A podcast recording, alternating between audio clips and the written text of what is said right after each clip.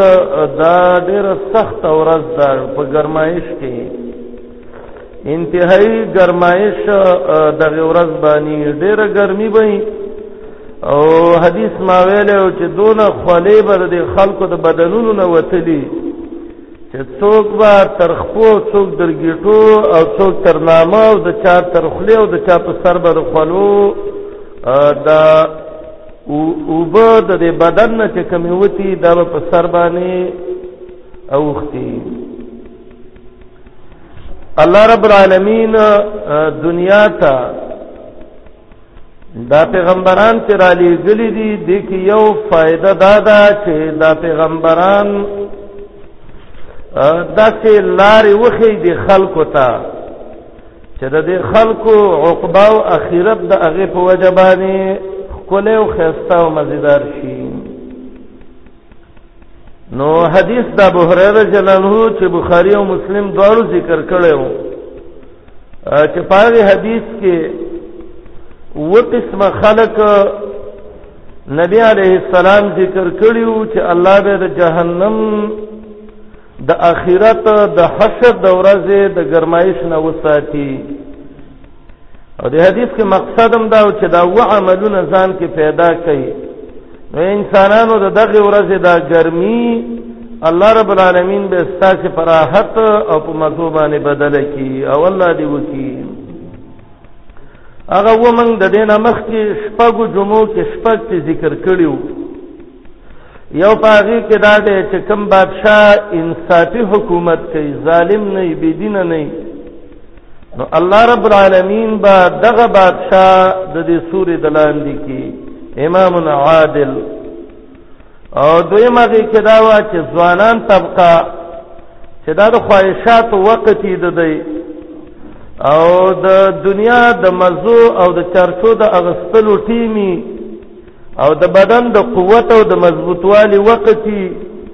نو کم ځان چې ځواني کې د الله بندگی وکړه او شاب النشأ فی عبادت الله نو دغه ځوان به الله رب العالمین د دغه سور لاندې زیول ورکی او دریم پاره کې چې محمد علیہ السلام ویلی ورجل قلبه معلق بابواب المساجد یا بالمساجد هغه ځوان هغه بوډا هغه انسان هغه د محمد رسول الله امتی چې دا غزړه د جمعات دروازو سنخته چې بس همیشه جمعات کې ناس وي او د الله بندگی می کوله او د الله عبادتونه می کوله او ذکرونه او تلاوتونه می کوله او په جمعات کې دسه خوشاله لکه مې چې وبو کې پروتي او یا بلبل چې د باغ په ګلونو باندې ګرځي نو کوم سره کوم انسان چې هغه د جماعت سره د تعلق جوړ ک دا تاسو یقیني وساتئ چې الله به دا خلق د عرش د سوري د لاندې ولځي ورکی او الله دې موږ د دې مصداق مو ګرځي او څلورم پاغي کې محمد رسول الله عليه السلام ویلو ورجلان تحابا فی الله اجتمعا علیه وتفرقا علیه هغه دو کسان دو انسانان چې د یو بل سره تعلق هم د الله په محبت جوړ شوی دی او د یو بل نه جدا کېدلم د رب العالمین په محبت باندې دي بس الله محبت را جمع کړی دي او د الله په محبت جدا شو د الله په محبت د سې جدا شو چې د یو بی دیني شروع کابل زما صد الله د پاره ورانه شو پی جنینا تعلق نشته ده خدای د ځان سره ونی سیاره تاسو زما محبت دی ولی لله د الله د پاره نو دام ډیر یو چته مرتبه ده چې ذل جلال و اکرام د کوم انسان نصیب کی نو دا په دې باندې ډیر زیات خوشاله شي بل په حدیث کې دا چې ورجل ذکر الله خالیا ففازت عیناه هغه انسان چې یو ځان لزه کې الله ته په یو تورتم کې یا په یو رڼا کې ریا نشته ده سمعت نشته بل څه مقصد نه بس رب العالمین رایات شو او د الله ذکر وکاو او د الله د یری د سترګو نه وخت ته یې شو په جړا شو نو دغه سترګو باندې د جهنم ورته کې چې د جهنم هغه لګیم الله رب العالمین حرامې په او الله به دغه سترګو والا به د عرش د سوري د لاندې زیول ورکی الله دې موږ د الله په یادولو کې بکائین وګرځي ډیر جړیدونکي د الله د یې نه او دا ډیر خط صفات ده ما پورا خطبه په دې باندې کړې و چې البکاو من خشیت الله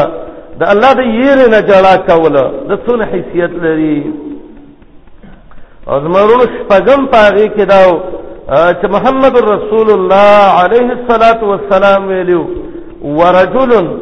تصدق بصدقه فاخفاها حتى لا تعلم شماله ما تنفق يمينه هغه بنده چې هغه خیراتونه کوي او دونه په اخلاص دونه په پټه باندې د دې ریا او د شهرتونو او د دې نه د سیریږي چې په دې خلاص باندې ورکی دا خیرات نو دا ګس او چپ لاس ته پته ونه لګي نو معلومیږي دا چې دا خیرات کوونکي ډیر مخلصین خلک دي نو الله ذل جلال و الاکرام دغه خلق الله د عرش د سوري د لاندې ولځي ور کوي وم چې دا زمنګ د نننې خطبه عنوان دی ان شاء الله وم هغه انسان چې هغه الله رب العالمین د عرش د سوري د لاندې ولزه ور کوي نو دا وم صفت دام ډیر ګران صفت ده او جنت ډیر بهترین ځای دی نو بهترین شی چې حاصله نو ضرور ته به د هغې دپاره تکلیفونه برداشت کړې یو بوټی یو د هغې نه میوه راټوکې نو د بوټي خدمت به کې او بیا به پسې بره ورخېږي او که دې کې ازغي نو هغه به هم په دې لاسو کې ماتېږي وینه به هم د نه راوباسي خو ته چې هغه میوه حاصله نو ته به دا ضرور تکلیف وله برداشت کړې نو جنت خود سه الله کې نعمتونه تیار کړی دي چې لا عینون رات د چا سترګم نه دی لیدلی ولا اذنن سمعت او د چا غوګونو پورا داغه تفصیل هم نه دی اوریدلې ولا على قلب بشر خطرت او محمد علیہ السلام وی د چا په زړه کې اغونه سوچ هم نه دی راغلی چې الله رب العالمین دې نیکانو له د جنت کې لا کم زینه تیار کړی دي په هغه جهنم کې دی نو هغه ډیر د قهر ځای دی د تباہی ځای دی خو د دې جهنم په باره کې ورونو دا دی چې نبی علیه السلام وي حفت الجنه بالمکارح وحفت النار بالشهوات دا د جنت نه چاپیره مصیبتونه پراته دي او د جهنم نه چاپیره د دنیا خوندونه او خواهشات پراته دي نو دغه خواهشات چې ته ختم کې نو بیا به رب العالمین د دغه جهنم نه وساتي او الله رب العالمین به جنت ته ورننه باسي او ملائک به ته وي سلام علیکم طبتم فادخلوها خالدین د الله ملمنو د رب ملمنو پتا سره د رب العالمین د طرف نه سلامتی زه جنت ته ورځي خپ امن زندگی به وسلته تیروي نسأل الله ان يجعلنا من اهل الجنه زمونږ جنت حاصلول ډیر ګران شی دی والله چې ډیر ګران دی زبا دون ته ویم یو حدیث به ویم رسول الله علیه الصلاۃ والسلام جبريل د معراج په شپه باندې د معراج واقعا ډیر ځل شوې ده خو هغه چې هغه جسدن او روحانن شوې ده هغه یو ځل ده چې سورته بنی اسرائیل او سورته نجم کې الله ذکر کړی ده سبحان الذي اسرا بعبده ليلا من المسجد الحرام الى المسجد الاقصى د مکینه تر مسجد اقصا لری جمعه بیت المقدس پورې د بنی اسرائیل کې ذکر ده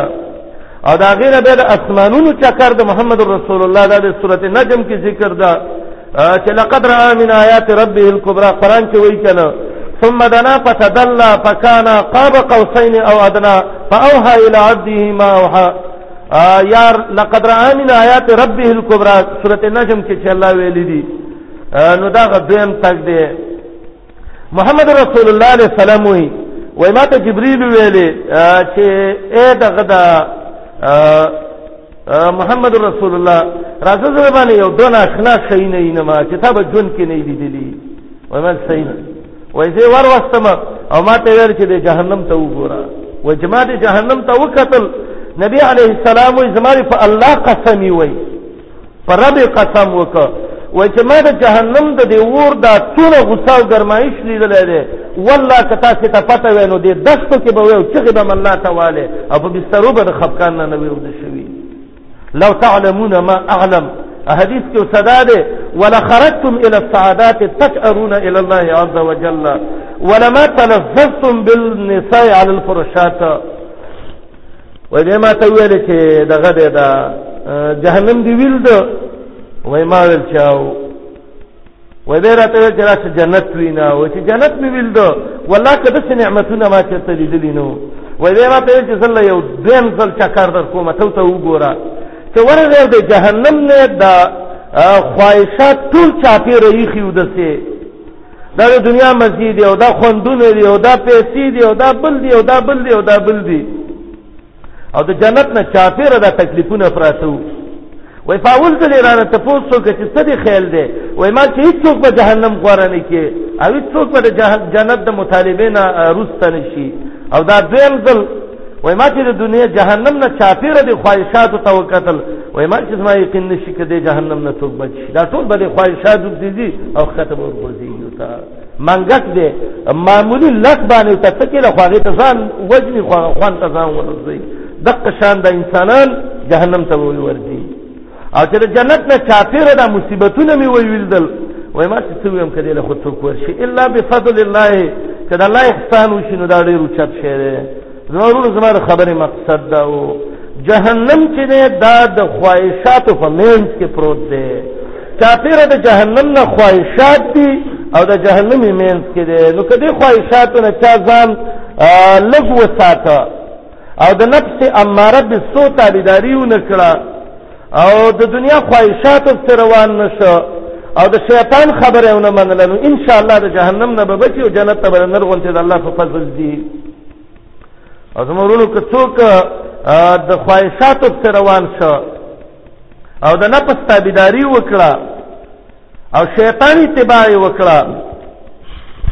نو تاسو را یقین مکوئ چې څنګه چې دا انسان به د جنت د تلو والا جوړ شي دې حدیث کې جمله دا او د جملې مقصد دا دی د محمد رسول الله علیه الصلاۃ والسلام چې نبی علیه الصلاۃ والسلام وي وم هغه شخص چې هغه به جنت ته ځي نو دی وم شخص لوی مقصد د دې جملې دا یو لا جمله ویم به مقصد ویم ورجل دعته امرأة ذات منصب وجمال فقال إني أخاف الله هغه انسان چې هغه له زنا طرف ته دعوت ورک یو داسې خزي داسې یو زنانا چې هغه ذات منصب او جمال چې د اوچته مرتبه والام د انتهایی خایس ولا الله ورکړی دی او دې انسان ته ویل چې ما سره زنا وکړه العیاذ بالله مسبد عملی وکړه او دوته ویل چې انی اخاف الله زد الله نه یریګم او زما الله رب العالمین به ما ونیسي او الله به مې جهنم ته ور وغورځوي نو دقسې خلک به محمد رسول الله علیه الصلاة والسلام وي الله به له د عرش د سوري د لاندې ځای ورکوي د دې جملې مقصد دا دی زما ورونو کوم انسانان چې د دنیا خواهشات د الله د محبت د الله د یری د الله د امید ته وجه نه شاته غورځولې دي او دا الله یې را مخ کې کړی دا د دنیا خواهشات لري کړی دي دا خلک رب العالمین د جنت د تلو والا جوړ کی او الله به په ورځ د محشر کې احسان وکي هغه احسان به دای چې الله به په یو د سوري کې داخل کی یوم لا ظل الا ظله د سورې به چې په هغه ورځ به نور سوري نه مګر صرف او نه صرف د عرش سورې د الله رب العالمین به او دې جملې کې دویم مقصد د رزم ورونو د ایمان حقیقت ته چې سړی رسیږي شاول الله رحمت الله علیه یو ځای کې لیکي و یو کیفیت د ایمان دی یو حقیقت د ایمان دی د ایمان کیفیت خدا دی چې الله ومني د الله رسول ومني ملائکه ومني کتابونه ومني او رد قیامت ومني او تقدیر د خیر او د شر د الله تر طرف نه ومني او دا پنځه منځونه وکي او زکات او روزه او حج دې ته کیفیت الایمان ویل کیږي لیکن د دینه مخکې یو دویم ضروری شی دی هغه دا دی چې هغه ته حقیقت الایمان ویل کیږي حقیقت الایمان څه ته وایي طبیعت د شریعت تابع کول او د شهوات او د شبهات نه ځان بچ کول دې ته حقیقت د ایمان وایي تر څو پورې چې ځان دې د اسلامي حکمونو نه دی تابع کړی خپل بدن کې دې نه دي کتلي چې زما د بدن کې کم ځای د محمد رسول الله د طریقې خلاف دی خپل کاروبار کې دې نه دي کتلي ناس تپاسته کې دې نه دي کتلي چې زما چا سره تعلق دی او د چا سره نه دی لنډه دا چې طبیعت دې د شریعت نه تابع کړی او خواهشات او شبهات دې نه پریخي شاه ولی الله صاحب وایي زما دې په رب قسمي که ته د ایمان په خوند او د ایمان په حقیقت باندې پوه شې حقیقت الایمان څه ته وایي طبیعت ته شریعت تابع کول خواهشات او شبهات پر خودل الله او رسول ته رجوع کول دا ډېر ګران شی دی محمد رسول الله علیه السلام وایي هغه سړی د کتاب او سنت کې اکثر د بعضی مسایلو کې رجل رجل لفظ راشي نو انت مراد سړی خو حکم خود او سړو دواړو ته کم انسان چې هغه یو داسې انسان مطالبه د ګناه ته وکړه چې مانع منځ کې نه انسان دسی دا زنانه چې هغه خایست برابري ذات منصب و جمالي او قادر دا سره په دې باندې چې زه دا ګناه وکم او دا ګناه نه کی دغه وخت کې تیر شي دغه خلک بل الله د عرش سوري دلاندې ځای کوي او د دې نمونه موږ څه شته ده زمنګ په دینونو کې ماشاء الله قرآن کې مستقل صورت الله یو ذکر کړی دی صورت یوسف تقریبا په تدبر او تأمر سره الله په فضل باندې قرآن کې صورت یوسف کې چې الله دې ته احسن القصص ویلي دي نو تقریبا یو عالم 1500 فواید ذکر کړی دي چې 1500 فائدې دي صورت کې علمي یو پاغه کې دا دا چې مصیبتونه بر باندې راځي په دې باندې چې تبه د دنیا د خواهشاتو په کې مصیبتونو کې واقع کېږي او دیم پاغه کې عفت الشباب ځوانان طبقه دا د الله نه یریدل او ځان پاک ساتل یوسف علیہ السلام دے د یعقوب علی السلام بچی دی د اسحاق نو سه دی د بابا ابراهیم نو سه دی او نبی علی السلام نو تفوس شوی چې خه خلک څوک دی هغه یوسف ابن یعقوب ابن اسحاق ابن ابراهیم خلیل الرحمن دغه خلک خه خلک دی دا یوسف علی السلام دی الله رب العالمین د نیمه دنیا خایست ولا ورکړی دی حدیث کې راغلی دی او دا یو سب انتهایی عفیف او پاک سړی دی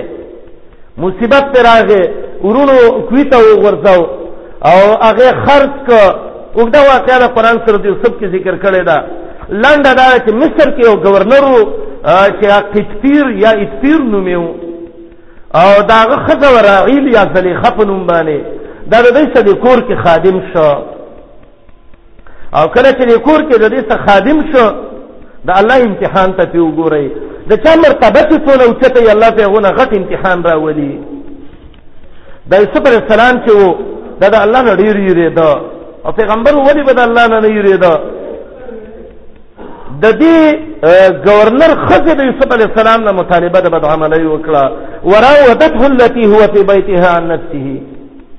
او مراوده دې ته وایي چې ستاسو یو مرګ مرګري سه یو شی او ته ته غواړې وغیر لنه درکې ابو حیان لیکلی دی البحر المحیط کې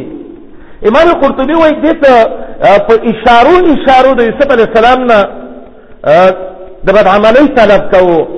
یو ځل ته ویل یوسف محسن صورت وجهک خسته مخله الله د انسانیت کې درکړې ده و یوسف علی السلام ته ویل چې ته کې صبر رحیم صورنی ربی زمان الله په خپو ده د مور رحیم کې الله را کړل الله کارونه ګوته مو وره ا مسكين په دې څه پوي چې د څه مقصد دی نو به ته وي یوسف ما احسن عینک د سترګې څه ولې د خسته دي الله له خسته سترګې درکړي دي هغه ته حساب کې کار نشته به همان زور اله رب خپل الله تعالی په قیامت کې ګورم نو په خسته سترګو چې الله ته وګورم ډېر خوان کوي داغه مقصد دا دی د یوسف مقصد دا دی د خبره بدله کی به ورته وای یوسف انظرني متل وګوره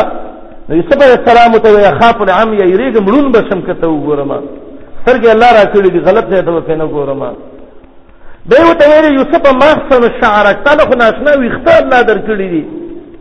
نو یوسف علیہ السلام ته وایي چې بس هو اول شی یبلا مني په قبري زما قبر کې د بدن اول به د دونه په مدغه کې دونه خن نه دي مطالبه چې اخیر کې سخت وکړل قیتون فرشتو لک د یو قسم له بستره ده نو یوسف علیه السلام ته وی القیتون لا یسترونی عن ربی د الله نخ مې پټولې نه شي بده ظالم ورمنډه کړب سي یوسف علیه السلام هم ته منډه واغستا وغلقت الابواب قران وې د دروازې ټولې بندې کړې وي وقالت هیت لک دعوت بد عملی لور کړو یوسف دې ځوان دې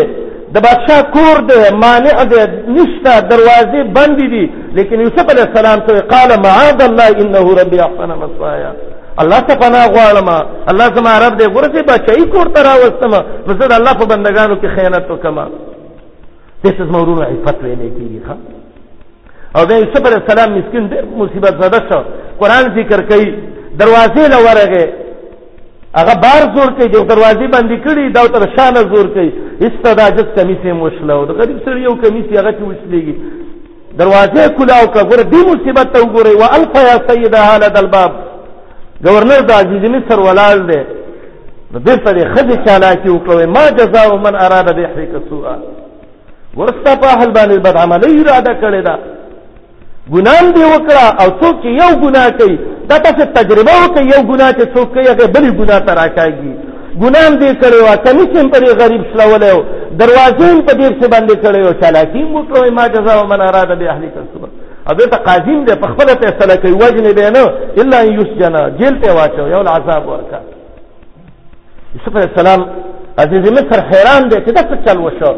یوسف حیران دی چې دا څه مصیبت واوښته ما یا الله د دې کور مالک به وایي چې دا دې سړي په څنګه زما کور کې د خیانت اراده وکړه عزیز مصر خفه ناست دی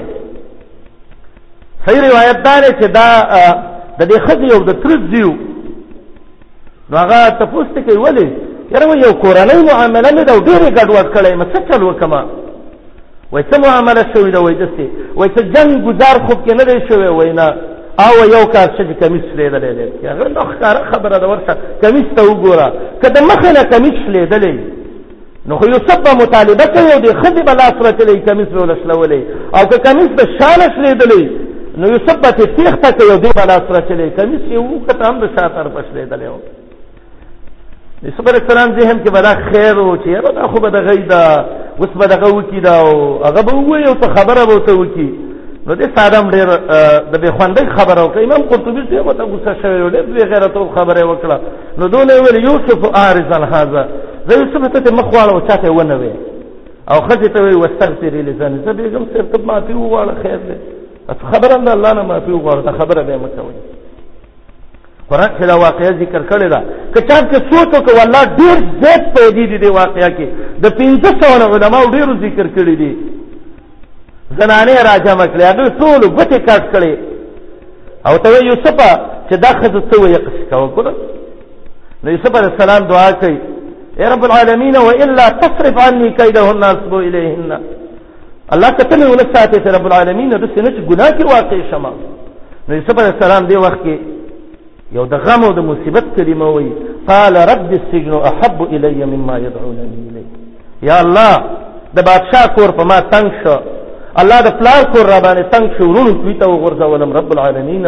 بازارونو کې خرڅ شوم رب العالمین اصلم زمره شوم الله د غریبۍ کمیس مې ورابانې وشلې ده رب العالمین په داسې غلط ځای کې رب السجن احب الی مما يدعونني الیه یا الله د جیل زندگی نور راکې علما وایي دا ایمان دی چې ته مصیبت غوړه کا خود ګنا نه ځان وساته اختیار المصائب علی المعاصی دا منصب د پیغمبرانو دی علیهم السلام او فلبست السجن بضع سنین سر علماء وی لس کالا یا دو لس کالا مسکین جیل کې تیر کړخه لیکن ان العطايا على متن البلايا الله رب العالمین چې یو سړی باندې امتحانونه راولي راولي راولي نو الله رب العالمین به مرتبه تم رسي هغه یوسف د الله نه ویرید په پټ کور کې رب العالمین د ټول مصر گورنر او بادشاہي مقرر کړه بعض روایتو کې دي چې یوسف کله گورنر شو د مصر وګدا واقعا قران ذکر کړی دا امام قرطبي د وهم یو روایت ذکر کړي وای دا خطه بډای شوی و دی وخت او یو کلمه ویل سبحان من جعل الملوک عبیدا بمعصیاتهم وسبحان من جعل العبید ملوکا بطاعتهم اغه الله نه حمد ته چې مریان د الله نه ویریدل نو الله بادشاہان کړل او هغه الله له حمد او پاکی ده چې بادشاهانو د الله خلاف وکړه الله چې ذلیل او کمزوري خلک جوړ کړل ورجل دعته امرأة ذات منصب وجمال فقال اني اخاف الله دا لا نه یریګم ضرور دا منصب ځان کې پیدا کول دا تاسو یقین وساتئ والله والله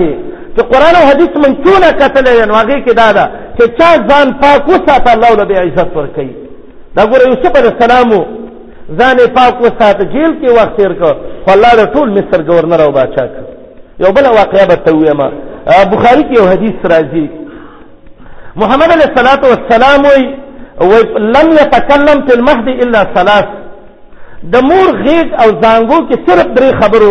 ماشومان خبرې کړې دي دا د دې کې اختلاف لري چې درې دی او کنور دی خو دې حدیث حدیث المهد دی ته وی امام بخاری ذکر کړی دی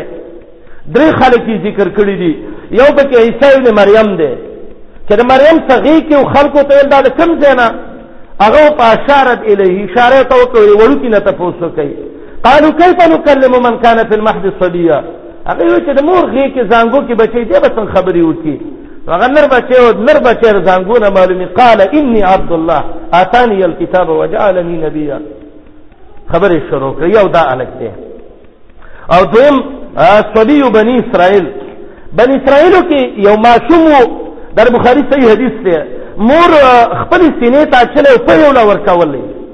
یو ظالم بی دینه بادشاہ په دلار باندې تیرې دا په ډیر جوش خروش او په اسونو او اسلحو په ډیر تکبر کې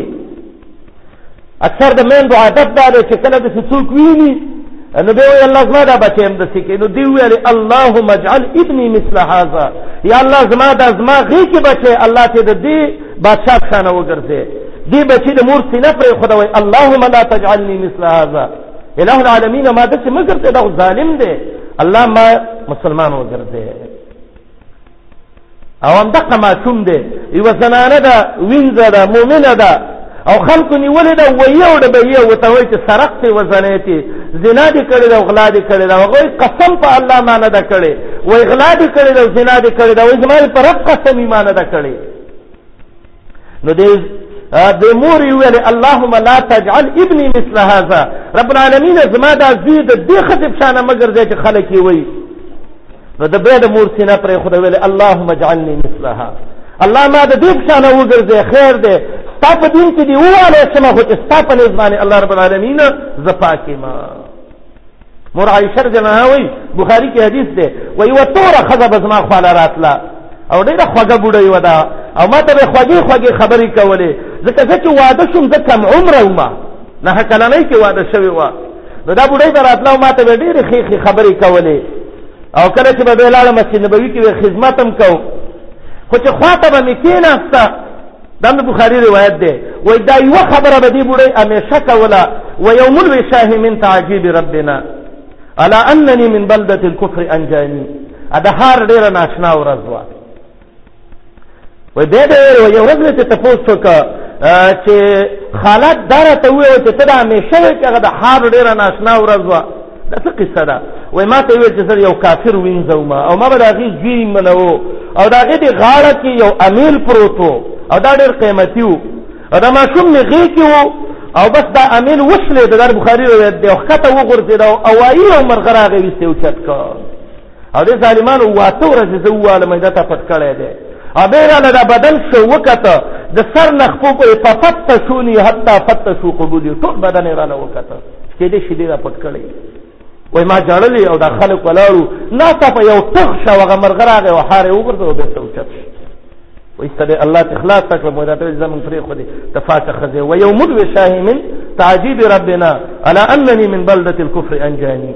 نو دغه بوډۍ هم دغه څه خبره دی خځې ویلی الله دې بوډۍ په شان زما د زوی مګر دی هغه ویل الله مې دته وګرځي خیر دې خلق مې دی وای خو چې رب العالمین دلبار کې زه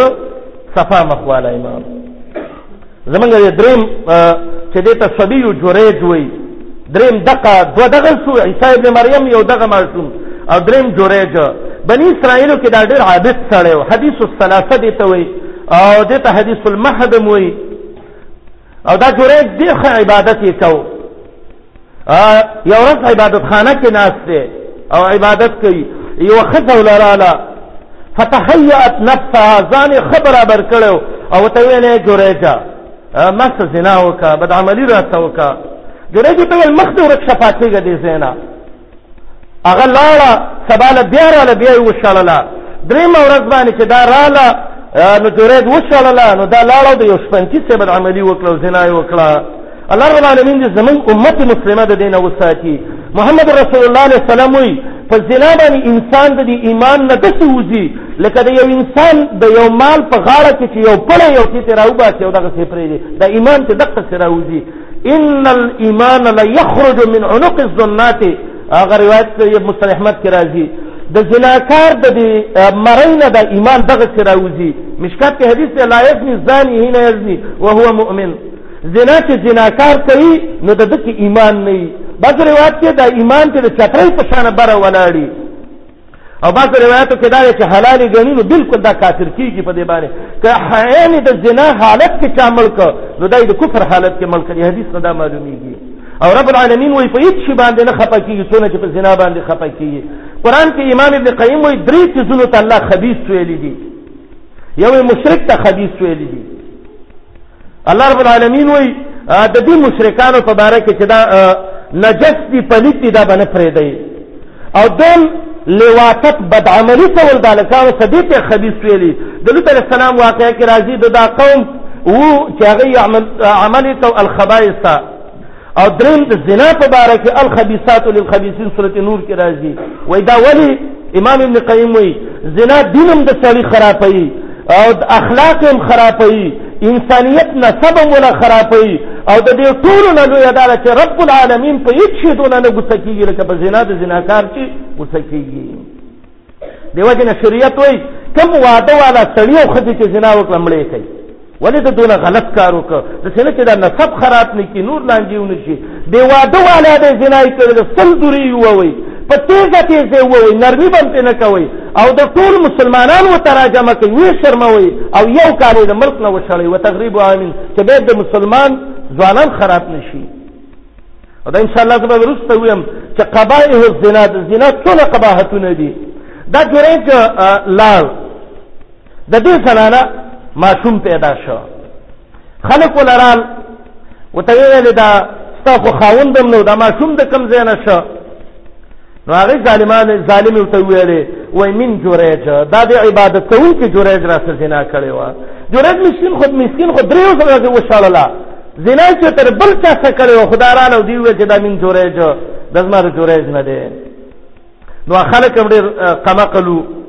نورال د جوریج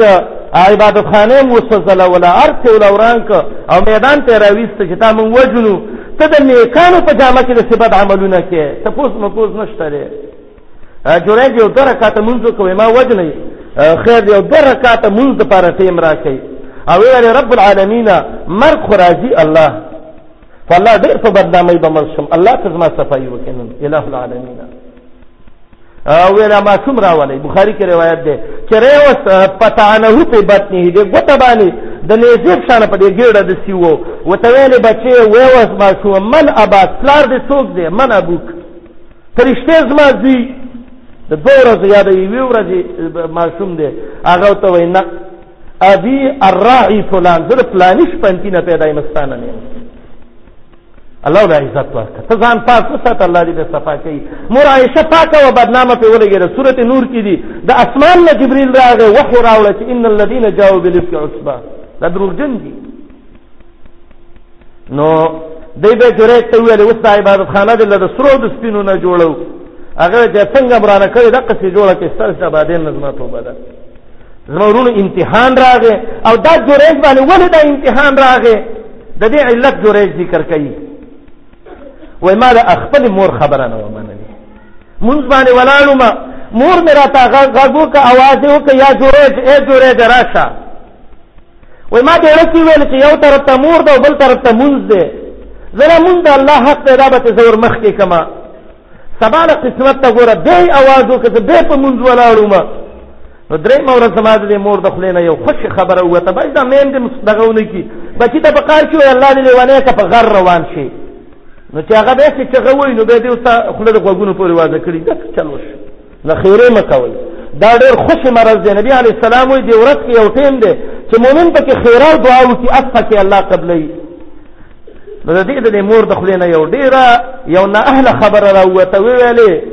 جوړېګ الله دې هغه پورې مو وجنه چې زناکارو جنکو مخونه ویني نو جوړېګ وای دا زما د مور خیره و چې په ما باندې ولګېدا چې الله د امتحان کې زواقې کړم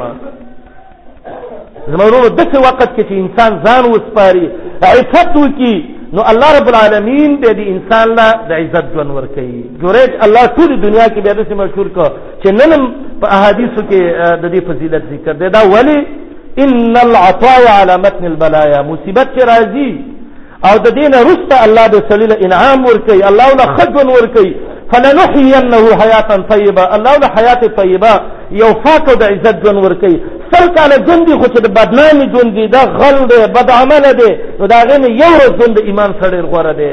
الله دې زمون ایمانونه خسته کی او الله دې زمون جوندونه حیات طیبه وګرځي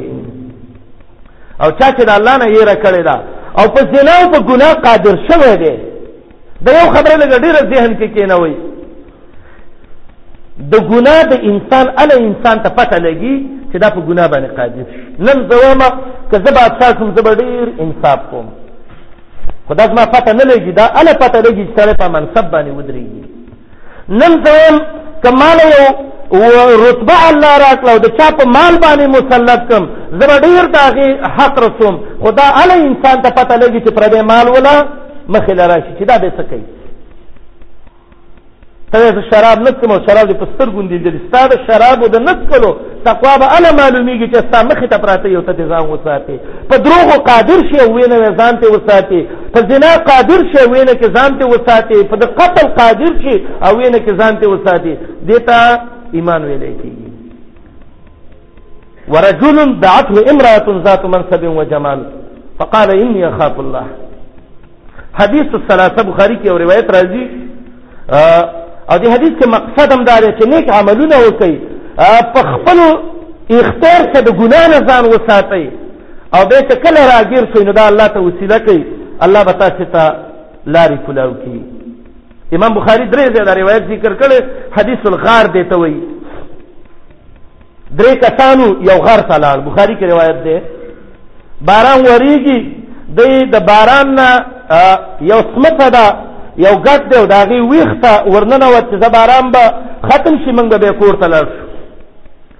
هغه ګټ د الله په فضل باندې راغی او د دې غار د خولې ونیول او بند شو دننه ټلیفون نشته چې چاته خبر وکي اواز نه اورېدی کېږي غر دی د دې خلکو دقه وخت کې صرف د یو الله رب العالمین سره تعلق پاتې شو چې الله علیم بذات الصدور دی یو بل ته وایي اوس به څه کوو ګټه اړولی نه شو خبر نه ځي خلکو ته پته نشته موږ به دې ځای نه څنګه وځو اوس نو یو بل ته یې ویلې راځئ هر یو تن وګورئ چې په ژوند کې کم نیک عمل کړی دی دا عمل الله ته وسیله کوي او ان شاء الله الله به موږ دې نه خلاص دا یو پاتې ده او یو دوه رکعاته مونځ یې وکړو بیا یې ویل رب العالمین ما یو عمل کړی دی الله که دا مې ستا د رضا دپاره کړی نو رب العالمین موږ د دې مصیبت نه خلاص کړي هغه دا دی چې زما سره یو مزدور و د سهار نه مې څه خبره کړې وه چې دونه روپۍ به در کوم د ماښام پورې او بل مزدور مې ماسپخین ونیو او د هغه د روپو مقدار مې څه خبره کړې طالب هم دونه در کوم خو ما څه کار وکړه کېدای شي دا یو کمزوری او دا یو قوي و یا د یو څه ډېر ضرورت و دی بل ته دونه نه و کله چې مې ماښام د یو له پیسې ورکولې هغه سارانه مزدور خفه شو راته ویل چې دغه دی دا څنګه د نیمه ورځ کار کړی دی او ما پوره ورځ کار کړی او زما او د دیړي یو شان دی ما ته چې زما ستا خو عقد شوی دی او بس خپل وعده باندې دغه مې درته سړی خفه شو پیسې وانه غوښتې دا پیسې ول ما چلولې چلولې تر دې پورې چې د ده وخان مې مولا پې واغستل غواګانې او ګړي بيزې رمې جوړې شوې څو کاله وروسته دا سړی راغی ویل غریبۍ راغستی ما او کمال هغه خپلې پیسې راکړي یو ورځ د خو به مې تېر شي وای ما ته چې دا قطيع الغنم قطيع البقر او قطيع الابل دا د وخانو رامي او دا د غواګانو د ګړو دا ستا دی او دا واخله اگر ته یو ټوک راځي مکه وتا ما نیمه ورځ دی ډیری را کولا اوس ما ته دا دونه را نه راځي غل ما د الله لپاره ستاده پیسې په تجارت مزاربت چلولې دي چلولې دي حتی رسیدلې دي او زه تانه کمی نه کوم د الله په نوم مې دا کار کړی دی او دا واخله زه سره خوشاله شو رب العالمین که زما دا کار ستا د رضا دپاره وي الله موږ دې ګټې نه خلاص کړي الله موږ راګیر شو یو مرګ په سترګو وینو حدیث کې راځي فن طلق الحجر دا ګټه وشلې ده د سې عمل وکړه دا به ګټه ته وشلې ګټه څه چې فولاده وسپنیم به شلې دا دویم را پاتې ده وای مرګره وستا نمبر شو هغه راغی وای اے رب العالمین الہ العالمین زش پنکې او مګړې می ساتلې الله او زه دغه وخت راغې چې زما خزه مړه شوه بعضو روایتو کې دي وسه او زما واړه واړه بچي پاتې شو او بوډا پلار او مور مې یو ورځ مې ګړې ساتلې ورځ یخه وه ګړې زما نه ډېرې لرې لاړې او کله چې زه ماښام را ورسېدم نو زما عادت دا و چې به رالم نو ما به ګړې ولسلې پۍ به مې را واغست نو اول به مې خپل پلار او مور پې ماړه کړه بیا به مې خپل بچي پې ماړه کړه نو زه چې رالم او ما ګړې را ورسولې شپه داسې ناوخته شوې وه بچي مې وږي او دادا و به مې پلار او مور دا دغه و د یخ ودو پلار مو ډېر لوی سرمایه ده د انسان د دعا ځای خو کتو کې په قدر پويږي او د دې له انسان ته پته لګي چې به دا نه وي وزې دعا ته وغواړه راځې دعا ته وغواړه نو ما وې دا پي راوړل او زما د پلار او مور سر ته ودرېدم او یو سوچ مې دا دی چې وسه را پاتم نو د دې خوب به خراب شي او کله را پاتوم نو وګیو د شوی دی او زما دا بچی زما د خپو کې څه کړن کېدل د ولګینا خو ما نه غوښتل چې زما بچی ماړ شي او زما پلار او مور دا وږي دې ته ایمان وای ښا چې خپل بچی باندې پلار او مور ورمخ کې کا تر دې پوري دا بچی می په جړا جړا کې زما خپو کې ودل شو ټول ورځ می ګډې بيزه ساتلې وي یخ ورځ وا سبا اذان وشو زما پلار او مور راپاتین ما ته قصې په نیولې وو اے الہ العالمین که زما دا خوب پر خودل دا د پلار او مور خدمت او دا د بچو وږي د کېدل د جړا او د پلار او مور غره کول په هغه ستاسو رضا لپاره الله د دې پورې ګټې نه خلاص کړي الله مونږ راګیر شي حدیث کې راځي دا ګټه نور هم وسلې ده خدای ته وسلو ادریم ته مرګره اوس د خپل عمل پیش کته ګټه نه خلاص کوو هغه رب العالمین د قحط او دولګي وخو او هیڅ د خوراک نو زما د تر لور وا انتهایی خسته وا ما غختله د تر نه خو مال په نکاح نه راکوله بل چاله ور کړه او داراله ماته ول بچی می دولګي نمل کیږي او مال سراکه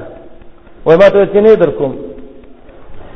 او پیسې مو څه نه وي او که ویم څه کمې وي وای ما چې نه در کوم بیا بیا راته وایي چې بچي مې مړه کېږي او ختم شو اخري حالتونه دي وای ما ورته ویلې شیطان را باندې غالب شو چې په یو شرط به در کوم چې ما څه زنا او بد عملي وکړي وای زنانه لاړه راله خو اخر دې حد ته ورسېده چې هلته بچي ویلېدل چې دا هو بلکل نور حالت د مخمسې او د مرګ دی نو به موري په بچو ډېره خپه کېږي وایي راله او ما ته ویل زه زنا به څه وکړم خو پیسې راکړه او خوراک راکړه چې دا بچي مې وخوري وایي زه په دې باندې قادر شوم دا رپېدله داسې یېرېدله وایي ما ته ویل چې ولې یېرېږې وایي ما ته ویل چې اخاف الله د الله نه یېرېږم دا پردی امانت دی چې ته ما سره زنا کې دا به زه بدعملي وکړم الله به هم رانه خفه شي او زه به پردی امانت بل چا ته حواله کړم وای ما ویل چې ته د الله نه یریږي زما یې پرد قسم ستانه زړه دیږم هغه هر څه مې پرې خو خوراک مې ورکو او بدعملی مې مونږ کړه او هغه له مې پیسې به ته ورسې الله کدا مې ستاسو رضا د پاره کړې رب العالمین الله د دې مصیبت نه خلاص کړي حدیث کې راځي ګټه وسلې د الله اړه ورغښته دی راوته ان العطايا على متن البلايا مصیبت راځي او د نیک اعمال نه وستا مصیبت راځي د نیکو عملونو کې تکلیفونه به راځي بیا به تا پسې وروسته راحتونه راځي دا وګورئ دا سړی دی په زنا قادر شوی دی لیکن وایي د الله نه یېرېږم چې ته ته یېرېږې زه هم یېرېږم الله څونه عزت ولا ورکړ جوړېږ له الله څونه عزت ورکړ محمد رسول الله جامع قاعده ذکر کړې ده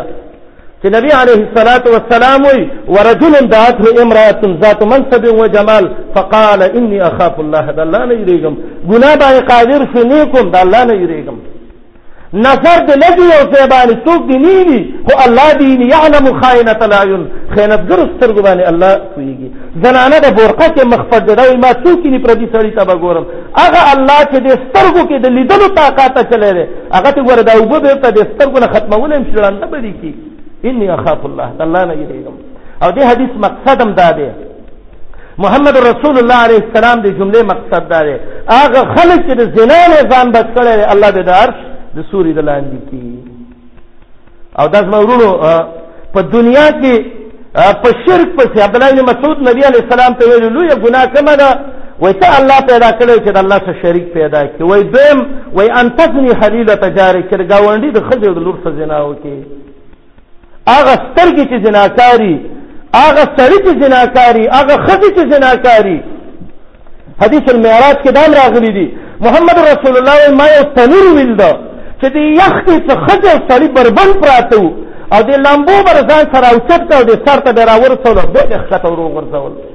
وای ما جبريل نه تاسو کې دا څوک دي وای ما ته ویل چې دا رجال او نساء هم الزنات د زناکاران دي زنا ډیر ناکار عمل دی ان شاء الله که الله رب العالمین زمونږ دا جون وګت که نو زه تاسو ته اینده خطبه کې به زمونږ دا موضوع د الله په فضل باندې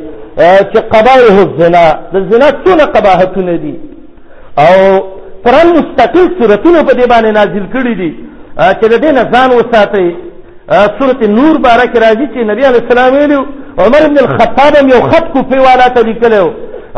چې لا تنزل النساء فی الغرف او یو لفظ سبل دی چې زنانه چې دي دوی ته سورت نور وښیوئ احزاب ورته وښیوئ او سړو ته سورت مایده وښیوئ چې حلال او حرام وپېژني سورت نور کې الله اووه قاعدې ذکر کړي دي چې دا اووه قاعدې ځان کې عملي کوي نه به په کور کې زنا پیخیږي نه به کلی کې پیخیږي او نه به علاقه کې پیخیږي که ستاسو خوښه دا به وي ان شاء الله به خود بوته صحیح ده کنه خیر سره وقواعد القواعد السبعه المبادی لدفع صد الفحشاء د حیاي د ملک نه په دې باندې ختميږي سورۃ النور کې و قواعد الله ذکر کړی دي دی وو قاعدو کې څه زنانو تم دي او څه سړو تم دي نو چې هر یو د خپل خیال وکي ان شاء الله بد عملی به ختم شي امن براشي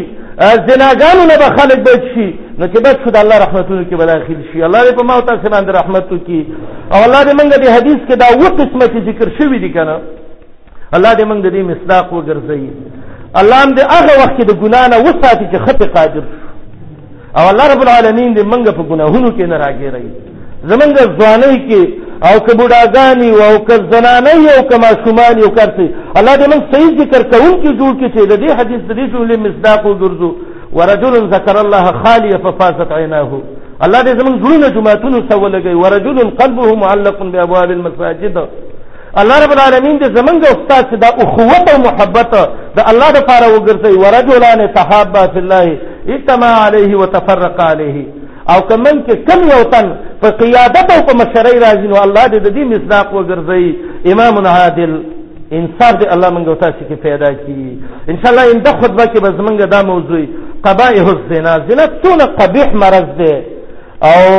د دې هغه و مبادی د صد الفحشاء چې قران ذکر کړی دي هغه به الله په فضل او په مدد باندې ویو وصلی الله علی نبینا محمد وعلى اله وصحبه د ملاویدو پته مه هېروئ